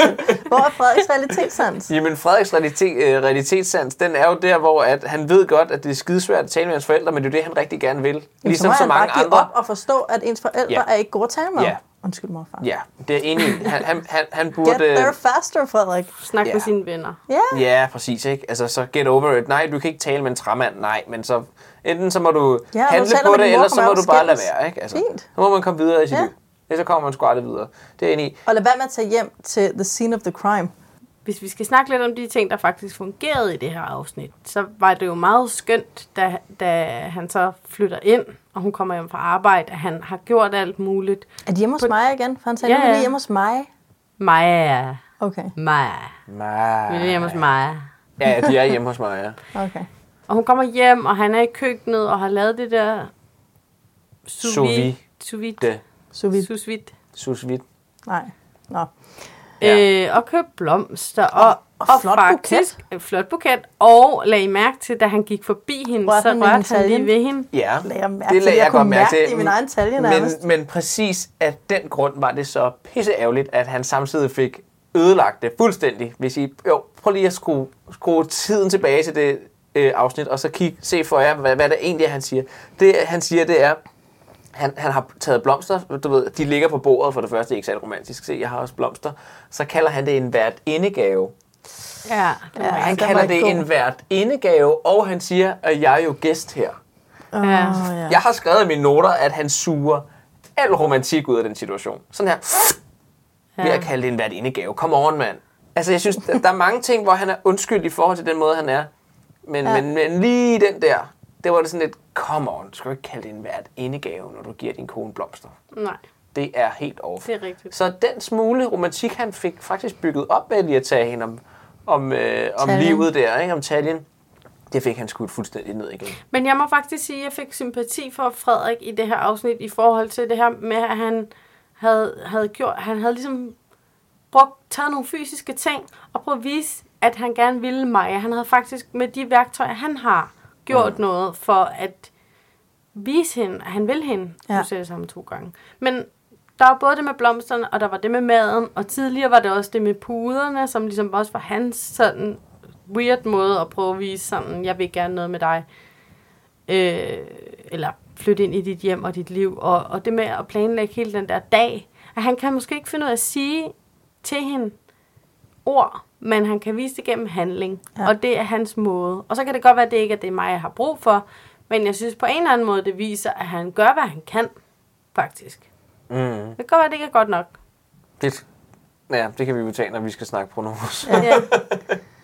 Jeg tænkte også bare, hvis vi lige skal spole hen til parterapien og have den med. Mm. Øh, det gør bare så ondt på mig, når jeg ser Maja bryde sammen. Fordi man får den der følelse af, at hun kan ikke bryde sammen, når den voksne ikke er i rummet. For der skal hun være den voksne, ikke? Altså det der med, at hun, Ja. hun bliver Frederiks babysitter, og så snart de så i parterapi, hun begynder nærmest at græde med det samme, og Ja. ja. samme, jeg kæmper stadigvæk. Og sådan. Det var faktisk Det nærmest den ondt. første sætning, hun sagde. Så kunne man se, kunne hun ikke Ja. holde det tilbage længere. Fordi at lige pludselig er der en, der interesserer sig for, hvordan Maja har det. Og det er jo ikke Frederiks skyld. Jeg tror bare, jeg kommer til at vente mod ham og være sådan, hvor hjælper du ikke Maja? Sådan, hun, er, hun har det så dårligt, og du skal ikke komme på, hvor dårligt du har det. Jeg fik altså også bare ondt i maven over, at nu havde han lige prøvet alt muligt. Og Ja. så går der 30 sekunder, og så bryder hun sammen. Og jeg tror måske, jeg havde bare sådan en fornemmelse af, at han troede, nu gik det bedre, og de Mm. begyndte at connecte. Og så hele det der sådan reality check, sådan, nej, virkeligheden er ikke, som du måske troede, Ja. den var. Så nu Spiller gentager jeg lige-. Eller håbede på. Eller håbede på. Nej, det er det, det, er det jeg sagde før. Realitetssansen, ikke? Det er Ja. bare også den, der er noget galt med her. At Ja. ja. det er sådan lidt, der er sgu ikke noget galt med de andre ting, men det er bare så problematisk, at, at der ikke er mere, altså at Frederik ikke har mere forståelse for, altså netop, hvad det er for en virkelighed, Ja. der kommer ud af den der adfærd. Ja. Han er i virkeligheden meget, en meget... Ja, man skal ikke bare sidde og tale om, hvad han er for en person. Han er meget, virker meget handlingslammet, ikke? Ja. Altså, det er som om, han kan opleve en masse ting, og han kan sætte ord på det. Men han kan ikke ændre noget. Altså, Men det var også det, der var lidt smukt med hele den der parterapi-session, at det var som om, at hende med Schmidt der, psykologen, hun på 0,5 bare ramt ind i deres begge to største issues. Mm. Altså øh, alt det Ja. med Maja og hendes overansvar for andre mennesker, og det her med, at han øh, ikke kan finde ud af at sige tingene direkte, mm. og han ikke tør tage rummet, og ikke tør ja. at sige, hvad han kan lide og ikke kan lide og sådan Mm. noget. Og der kunne man bare sådan i et split sekund, jeg blev totalt varm faktisk, selvom det var lidt ulykkeligt, men det var som om, de bare begge to følte sig mega set af hende. lige der. Det, det kunne jeg vildt godt lide. Øh, Ja. Så kan det godt være, at det ikke var lykkeligt for deres parforhold. Så kan de i det mindste forstå, sådan, når jeg er okay, men det Ja, ja, er også ja, ja, nok, det du siger, det er sådan, jeg gør, og det er ikke bare min skyld, men være Nej, en sådan eller er jeg bare. Sådan er og jeg bare, det er derfor, ja. jeg lige struggler nu. Ja, ja, men det er rigtigt. Jeg tror også bare, at Frederik, ligesom det, der han vil lave mad og sådan noget, han vil skide gerne vise sig frem og vise, hvad han kan. Jeg tror bare, det er en del af hele problemet. At han bare så gerne vil vise, hvor nice han er. Og det, der bare vil være godt for ham, var bare at vise, hvem han er. Altså det der med at fjerne fokus fra, fra øh, imponeringsfasen. Mm. Altså han vil så gerne være nice. Og det kommer han aldrig til at være, før han holder op med at vil være det. Nej, men det er det der med, det er sådan noget med selvtillid, og øh, hvordan du bærer dig selv og sådan noget. Men der tror jeg også, der er et problem i det der match, ikke? Fordi hun er meget selvsikker, ikke? Hun er, meget, hun hun er talepædagog, som vi sikkert har talt om, ikke? Og Han er meget ro i sig selv. hun skal sidde der og tale og være en autoritet og sådan noget, ikke? Og så sidder hun over for ham, ikke? Som er det stik modsatte, ikke? Han har jo i virkeligheden brug for en, der næsten er på samme niveau, sådan selvtillidsmæssigt, eller lavere, fordi så kan de hjælpe hinanden op. Det er lidt ligesom det der med, i, i, i, øh, i, altså der kan godt være et mismatch i no, mellem nogen, der er rigtig gode til noget, og nogen, der er rigtig dårlige til noget, og så får de ikke noget ud af det sammen. Nej, der skal være en, øh, en større nærhed mellem dem. Det skal være en større, ja. de skal være tættere på Men jeg har hinanden i også- forhold til, hvad de kan, og så jeg har kan de lyst til, flytte sig at sammen. den der parterapeut bare gav, sådan, gav dem sådan en øvelse, eller sådan et benspænd, der hed, Frederik, du må ikke sige noget i 24 timer. Sådan, så han kunne mærke lysten til at sige noget. Mm. Endelig. Ja. Så han kunne sidde og sige, jeg må ikke. Altså, jeg har virkelig lyst til at sige, Maja, kæft, hvor ser du godt ud. Eller, har du egentlig læst den der Jussi Adler Olsen bog? Altså bare sådan, få en tanke, have lyst til at sige den, vide man ikke må, så han kunne mærke lysten. Mm. Bare sådan i 24 timer, du må ikke sige noget. Jamen, Det vil være en gave for ham, fordi det er jo der, han gerne vil være. Ikke? Det, Ja. det, det er jo det, der er det trygge for ham. lysten. Ikke? Og det er, jo- altså, Det tror jeg bare vil Det få jeg lysten op, og når lysten først er oppe, så tror jeg, han har en chance. Men pligt ødelægger lyst. Nu bliver jeg helt ked af det begge Ja. to. ja, jeg Vi skal gør. snakke jeg, jeg, kan godt, jeg kan godt blive lidt ked af det, jeg ser mig. Ja, Det er bare virkelig hårdt. Det er totalt nej, altså desværre. ja, Der er ikke så meget andet at sige. Som jeg ser det. nej. Mm. Nej. Jeg, jeg føler også, at vi er hen i noget af det samme, som vi har snakket om i sidste uge med, der er fremskridt, men det er bare stadig ikke godt nok. Nej, og det bliver det sgu nok ikke. Nej. Nej. Ikke Nej, på den nej, tid, nej. som at det her eksperiment ligesom sætter op som ramme. vel? Ja. Desværre. Desværre. Desværre. Desværre nej herfra er. Ja.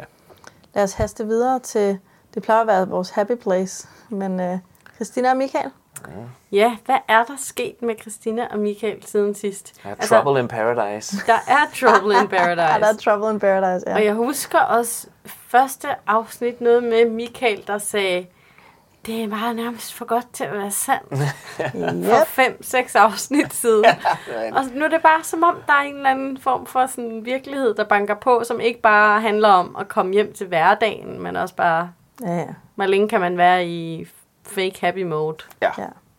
det er jo det. Altså, Ja, og lad os blive død konkrete. Michael har flyttet med Christinas veninde, føler Christina, på en båd, Mm, hvor han sidder op og ned af hende jo. Altså det er en båd på en kvadratmeter. mm. Det er ikke fordi, han og har været i den sidder og anden holder side om hinanden. Ja.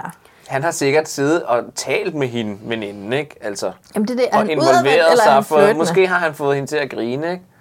Og og der er, altså, der er jo nogle mennesker, der er meget let bliver jaloux, meget hurtige, ikke? Både mænd og kvinder. Og det er jo helt tydeligt, at hun er en af dem. Ja. Men hvorfor? Hvad Ja. har hun ægte forestillet Ja. sig?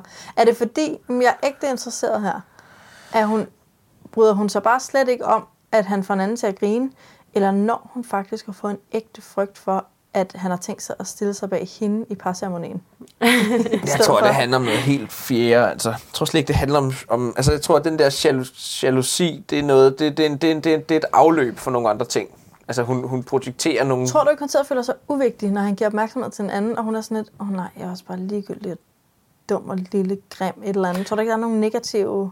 Jo, det tror Altså, jeg også, hun sådan- tænker. Det handler, som jeg ser det, så handler det vel om, hvis man er jaloux, så bunder det i, at man er sådan, øh, hvad hedder det? Usikker på sig selv.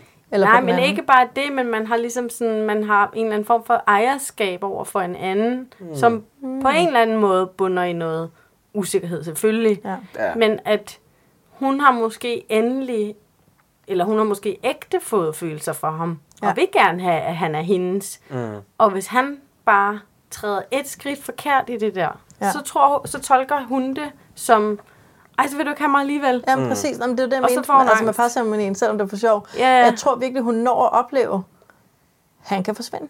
Ja. Han kan vælge en anden. Jeg tror, hun, jeg tror godt, hun ved med sit hoved, det er ikke det, der sker, men hendes sådan, sind når at få billedet.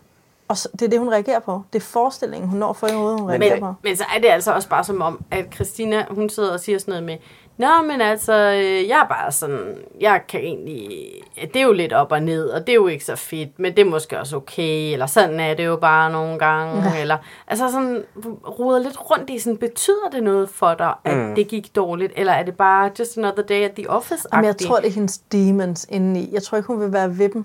Jeg tror også, det er meget, meget, meget vigtigt, at det er Michael, der fortæller os, at han har flyttet med hendes veninde. Christina vil faktisk ikke indrømme, at det er det, hun er blevet sur over, Nej, tror jeg. selvfølgelig hun ikke det. Jeg tror, hun hader den her side sig selv, at hun ja, reelt Men det var det samme, der skete til brylluppet der. Ja, Det var og præcis der betød samme han jo ikke noget for hende sige det på, hvor hun var sådan, jamen det var rigtig ærgerligt, at det gik sådan der. I stedet for sådan, hvad, hvad er der skete bag? der? Ja, hvad skete Hvad skete der? Hvad der? følte du egentlig? Hun er i total... Øh, hun er in denial omkring, hvad hendes rigtige følelser er. Og derfor så sætter Og- hun nogle ting op for sig selv, som hun bedre kan leve med på kort sigt. Ja. Men på lang sigt, så slider de hende jo totalt op. Ikke? Ja, fordi hun Altså- ikke får det ud. Præcis. Hun så får hun, ikke hun, ud, hun, og hun fortæller sig selv nogle løgne omkring, hvad det er, der sker i de der forskellige situationer, som er nemmere for hende at leve med Ja. ja. i et splitsekund. Mm. Men Og en time også- efter, du ved, så, så, og så bliver hun bare med det at lægge på det væk. igen, Ikke? Det er ja. total fornægtelse. Men også lidt apropos det, som du har talt om med Frederik, i forhold til det der med, at øh, øhm, på en eller anden måde ikke forstå ens egen vigtighed i relationen. At, at hun heller ikke tager ansvar for, du kan ikke bare sige, det er Michael, der hele tiden er op og køre, eller, eller, eller køre en stemning op. Ja. Altså, du er også med til at sætte stemningen, fordi I lader aldrig hinanden tale ud. De sidder bare og snakker i munden på hinanden. Ja, ja. Der er jo ingen af dem, der får lov til reelt at sige, hvad de har på hjerte. Nej, nej. Og hun blev ved med at sige, at det er Michaels skyld. Ja, der har det også bare sådan lidt, lad være med at brugte over noget, ændre det. Altså sådan, Ja, ja. så hvis det det der med sådan, om du flytter eller et eller andet, så flyt vildere. Altså, then bring him back. Ja, men hun forventer Ja, altså- bare, at han skal fikse det. Ja. Hun siger noget, Gør det er også. sådan og sådan og sådan og sådan, og, og når hun så siger det, så, hvis hun så, så siger hun, "Ah, og det er lige meget. Altså, fordi hun, hun, hun smider alt ansvar fra sig, når hun siger det der med, lad som om, at det ikke betyder noget for hende. Og så forventer hun ligesom, Jeg at tror virkelig, at Christina har brug for at gå ind, lige før hun bliver jaloux, lige før hun bliver sur på Michael, der tror hun, bliver rigtig ked af det og bange. Og det er der, hun skal være. Hun skal være ked af det og bange. Og det er også et stille sted at være, hvor man måske ikke siger så meget. Men det er der, hun skal være. Det vil fikse rigtig meget for dem. en helt anden ting på den der båd-situation. Mhm. Mm-hmm. Lag mærke til, øh, at øh, de, de sejler ud på båden, og så siger en af så, der, så har de sagt skat til hinanden, ikke? allerede øh, 50 gange, Ja. ikke? inden båden overhovedet er blevet tæt, og så siger hende der veninde, hold da op, hvor I, I, I, I er for vilde med det der skat. Ja. Bag ikke ret mærke det? At hun i tale det der med skat, ja. og derfra, så var der et Så stemningsskift det på den der båd. Altså, det så gik det Christina dårligt. projicerer, at, sådan, at du gør nar mit fake parforhold, som er sådan et tv-ægteskab. Nej, Christina, hun blev usikker på, hvad det var, hun havde gang i sammen med Michael, fordi hun var bange for, at øh, hendes venner ville synes, hun var mærkelig. Ah. Og, Og og så derfor det så i blev det mærkeligt med. Michael, fordi gud, nu begynder mine venner at forsvinde. Nu synes de er underlige med det her med Michael, men så går jeg hen til dem, Men jeg, jeg og så tror, hun ender med at isolere sig selv fuldstændig. jeg tror det der, jeg, jeg tror altså mere, det handler om sådan noget med, det som Anja og Dennis er så gode til, at komme ind i virkeligheden og være sammen med deres venner, at, at hvad hedder det, Michael og Christina er gået alt for langt ud af dem selv. Og så når de kommer tilbage, at så de er, som du siger, sådan, så kan man ikke, altså sådan, Altså, er det helt mærkeligt. så det er helt mærkeligt at være sådan skatagtig. Ja. Ja, men det kan de jo, det kan man ikke. Man kan ikke komme tilbage fra det Nej, der det ikke. sketch-show, vel? Og, altså, og, det, og de har jo det, det her afsnit er jo bare sådan en åh, bekræftelse af al en Ja. af de værste check, frygt Ikke? om Altså, dem. så de kan jo bare slukke branden herfra, og det er jo Ja. også det, hun gør, Christina. Hun slukker branden hele tiden. Men så, gør undskyld. hun et, så sker der et eller andet, så slukker hun en brand, så sker der noget andet, så slukker Men det tror jeg hun godt, hun selv ved. Hun siger jo også, at jeg gider ikke det her op og ned hele tiden. Ja, Jeg men hun du har kan ikke bare opdaget det. sige, at Men du ikke det er jeg gider det her op og ned hele tiden, og så, det, så holder det bare op med at være Jeg op og siger ned. bare, at hun har opdaget det. Hun skal bare have hjælp til at komme hen og sige, hvad skal jeg egentlig gøre anderledes? Ikke ja. i min tale, men før jeg overhovedet åbner min mund. Ja. Hvad skal jeg gøre anderledes følelsesmæssigt? Jeg har bare lidt som om, at hun ikke gider sådan at do the work sådan rigtigt. Det tror jeg bare, fordi hun ikke tro, ved, at, der, at det kan have succes. Jeg tror, hendes, jeg tror, det er rigtigt. Jeg kan også godt mærke noget ugidelighed hos hende. Ja, sådan det. lidt, ja, nu må vi jo se, om det går, eller sådan, jeg tror, det går, eller Men jeg tror, jeg hvis ved nogen, ikke, om det hvis går. nogen eller... tegnede op for hende, hvor vildt lykkelig hun kunne blive i sit liv, hvis hun lærte nogle andre sådan mønstre og mekanismer, indlært noget nyt, hvor, hvor glad og harmonisk et liv hun kunne få, så tror jeg, hun ville blive motiveret og være meget Det mere. der, det handler ikke om hendes motivation for noget som helst. Det handler om hendes eget selvbillede og hendes eget syn på sig selv. Altså det, Som er hvad? som er, at hun har enormt dårligt selvværd. Altså, hun føler ikke i virkeligheden, at hun er god nok til, at Michael gider at være sammen med hende, og derfor så er det meget nemmere for hende bare at smide det på gulvet. Ja. Og det er det, hun er i gang med at gøre nu, som jeg ser det. Hun siger, jeg, havde ikke, øh, jeg gider ikke at være i det her op og ned. Det synes jeg er hårdt og svært. Ja. Så derfor så, Men så er jeg faktisk ikke engang sikker på, om det her det kan blive sådan. jo også, Jamen det er altså. det da. Det er nemlig desperat, ikke? Men Jeg, jeg tror ikke, det er, fordi hun er nødvendigvis er frustreret over, at det går op og ned, fordi det gør alle forhold. Jeg tror, det er, fordi hun føler ikke, at hun... Hun kan komme ud af det. Hun føler ikke, Men hun det er det, kan jeg gøre mener, det at, at hvis hun virkelig fik, fik... Der var nogen, der hjalp hende til at se, at hun kunne sagtens have et andet slags forhold, også med Michael, hvis hun gjorde nogle ting anderledes. Så tror jeg bare, hun ville blive glad og Men hallo, eksperter. Vi Ja, skal da hvad have der? nogle eksperter. Nå, jeg tror, det var mig. Eksperter. Ja, men, men der- det, hun men Mette kunne var der også inde og Nej, synes, men de der var et sødt godt gammelt være ægtepar. nogle eksperter, der sagde et eller andet med, øh, hey, i stedet for bare at skrive det i et brev eller en hurtig Mm. Skype-samtale, men være super meget mere konkrete Mm. Og sige, det er rigtig vigtigt, at I lader hinanden tale ud, eller I bruger 10 minutter om dagen, hvor at øh, I taler hver især 5 minutter non-stop, og den anden må ikke sige noget. I skal bare lytte, og I må ikke respondere, og så når det er din tur til at tale, så skal I snakke derud af, indtil I kommer med at sige, eller whatever, Det vil for at en få dem rigtig i god idé. tale, som ikke var sådan en bebrejdelse af... Øh, Ja, den anden det var hele tiden Og sådan noget angreb, med, forsvar, Ja, angreb, præcis. forsvar, angreb, Det du forsvar. gør, det du gør, det Ja. er det du gør. Ja, I stedet ja. for sådan, "Nå, men hvad gør du, eller hvad vil du egentlig Og gerne? noget andet i den øvelse. Når den ene så er færdig med at tale, så skal den anden sige, hvad de hørte. For jeg, man så jo også der, hvor Michael siger, Nå, men så kan du ikke komme ud af det. Der hørte Christina det som du, Christina, hvor Michael mente mand, du. Så kan man ikke komme ud af det. Mm. Hvor man jo også kan bruge anden person ental. Og så siger han du der, og der misforstår hun det. Jeg tror, det ville være dynamit på den gode måde, hvis de hver gang den ene har sagt noget, at så skulle den anden sige, hvad hørte jeg dig sige? For jeg tror ikke, det er det samme. Jeg tror ikke, de hører det, den anden mener. Sådan 80 procent af tiden. Men må ikke lige ganske kort, det du sagde, Katrine, med eksperterne, lige præcis i det her afsnit, og de der par øh, jeg synes, de er helt vanvittigt tynde. Altså, og jeg synes faktisk, at, øh, at Mette der gør parerne en bjørnetjeneste i de her sessions, hun har, fordi hun taler dem efter munden. Det virker som om, at hun siger de ting, som at hun kan sige, uden at gøre dem kede af det eller et eller Ja, andet. det er rigtigt. Men hun går ikke ind i fanden- deres smerte. Hun hjælper Nej, dem ikke ind, hun i gør det, ind i det Hun, svære. hun, hun går ikke ind og rykker med noget som helst. Nej. Enig. Hun går bare ind og beskriver noget, de godt ved i forvejen. Hun skulle for eksempel have sagt til Anders, altså sådan, ikke for at gå tilbage, der- men hun skulle have gået meget mere direkte på at være sådan lidt, har du dårlig samvittighed over, at du har gjort Luna ked af det? Har du det? Ja. Altså sådan spurgt, om hun skulle have sagt til Frederik, sådan et eller andet Nej, omkring. det skulle, vil du gerne spørge. Ja. Men det skulle en parterapeut. Øh, terapeut Ja, men hun kunne godt have været, hun kunne godt Hun have været mere godt have været mere direkte Ja, på. Det kunne hun altså. Men vi skal Ja.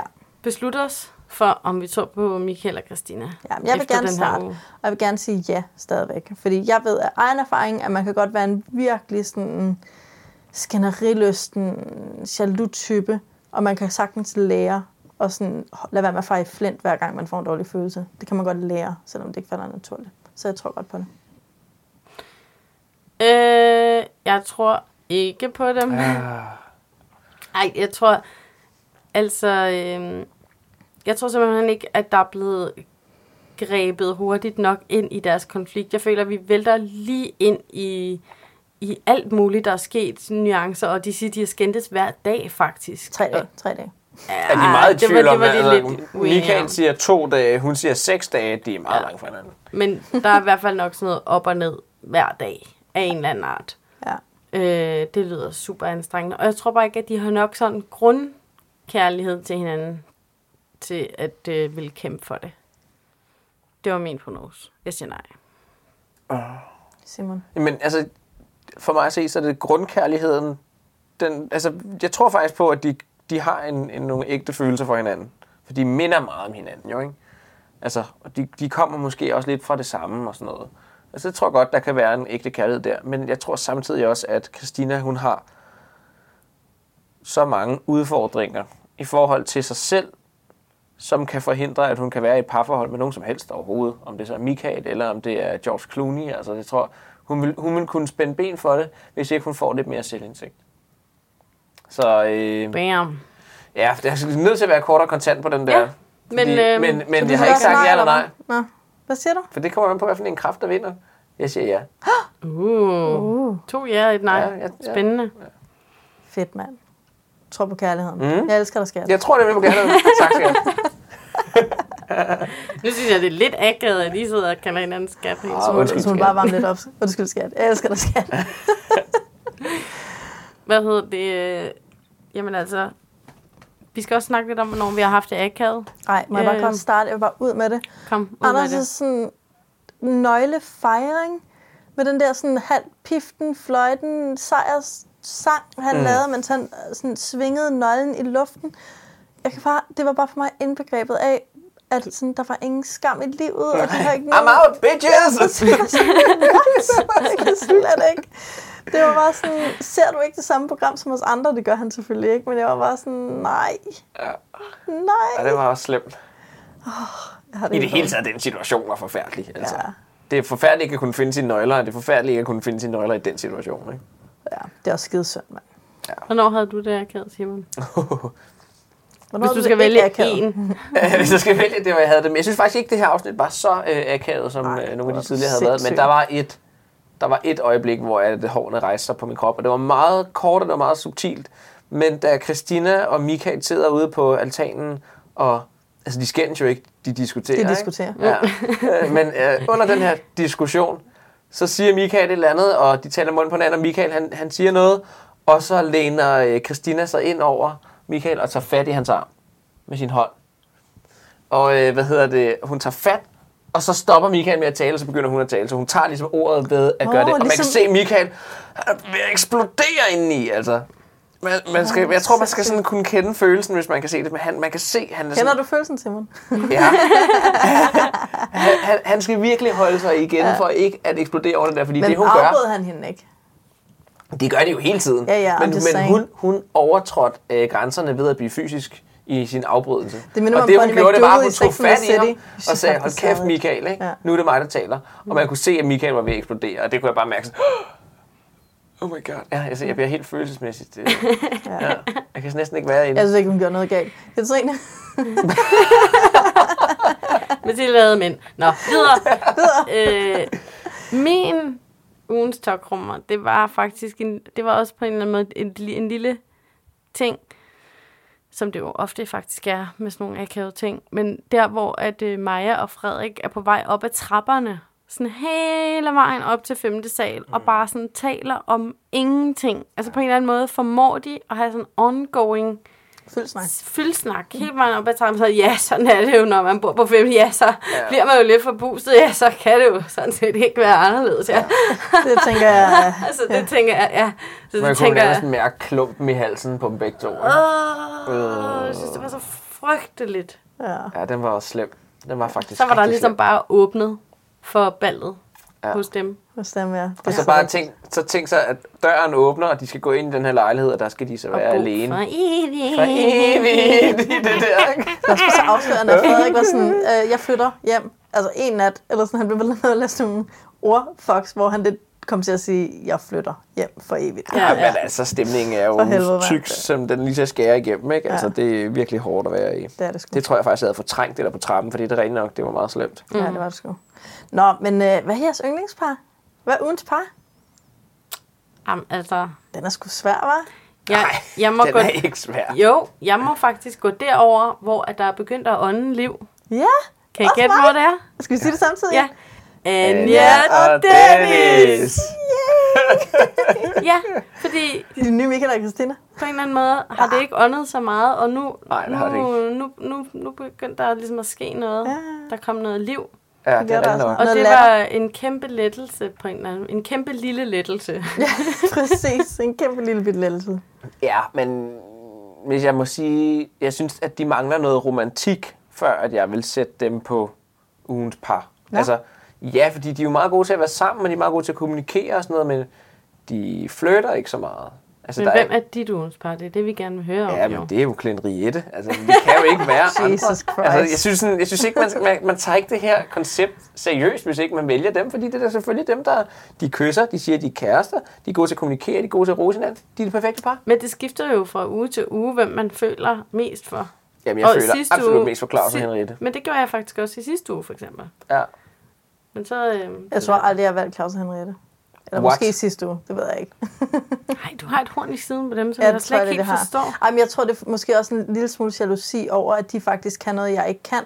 Du er bange for, at det er for godt til at være sandt. Ja, jeg tror, jeg bliver, jeg bliver utryg ved det. Fordi jeg sådan, er det skuespil? Er det, hvis det er ægte, så er jeg et nederen menneske. Og hvis det er skuespil, så er det bare deprimerende. Ja. Det er nok det, er. ja. Ligesom Christina, du er bange for at commit, ikke? Altså, så er det nemmere bare at lægge det fra sig. Bare give op på det, inden at gå i gang med arbejdet. Vent nu og se. Vent nu og se. Christina will be back. Nå, men altså... Øh, jeg tror faktisk bare, det var det hele, vi havde for i dag. Mm. Mm. Det var hyggeligt, du var med.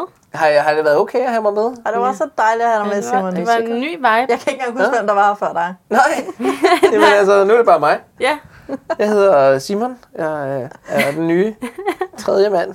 På GVFB-podcasten. men ellers har vi jo snakket om, at du kunne starte GVFB-podcasten, podcasten, Ja, det som handler på. om, Om om GVFB-podcasten. GVFB-podcasten. Ja, konceptet er, spin-off. at Et jeg, spin-off. jeg laver en podcast, hvor at vi så ser øh, programmet, og så taler vi bagefter om, hvad der sker i programmet igennem jeres opfattelser og følelser i programmet. Altså, så I ser programmet, hører podcasten, og, Og så så, taler vi om- podcasten om podcasten. Ja, GVFB og så er der også en podcasten. ugens tokrummer, da Mathilde sagde det der, og Katrine ikke grinede. Eller Ja, ja, sådan. præcis, Det ja. er sygt nok. Ikke? Og vi gennemgår Katrines udvikling i hendes forhold til Christina og Michael. Altså, nej, jo jo, altså det bliver meget meta, ikke? Det bliver fedt. GVFB-podcasten. Podcasten. det er sådan en spin-off, ja. Jeg synes, at du skal prøve at gå til DR og pitche. Den er oplagt, den tager det Ja. Ja. Haps. Og hvis ikke, at øh, man har lyst til at gøre det, så kan man jo høre min egen øh, historiepodcast. De Det er rigtigt. Fjer. Vi har glemt at sige, at Simon laver sin egen podcast. Ja, så hvis I Øh. synes, han lød meget naturlig og hjemmevandt i podcastmediet, så er der en grund til det. Jeg har en grund til det. Hvad Så, og handler den om, din podcast? Det handler om, øh, om historie og, og po- dansk politisk historie, men med et sjovt twist. Ej, altså, jeg optager det sammen med en, en ven, som også er historiker, hvor vi taler meget bramfrit om øh, danske Og magthavere. den hedder? De Røde Fjer. Hvorfor det?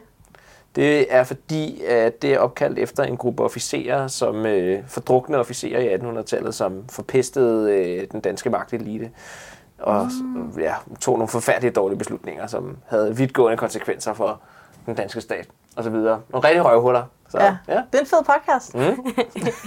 Lidt anderledes Den laver vi noget podcast, andet. tror jeg. Vi banner betydeligt mere. Jeg kan også mærke, at jeg banner mere, end I gør. Ja. Nok. Men det har været skønt at have dig med. Det er godt. Og øh, så tror jeg bare, vi skal sige tak for i aften. Tak for i aften. Tak for i aften.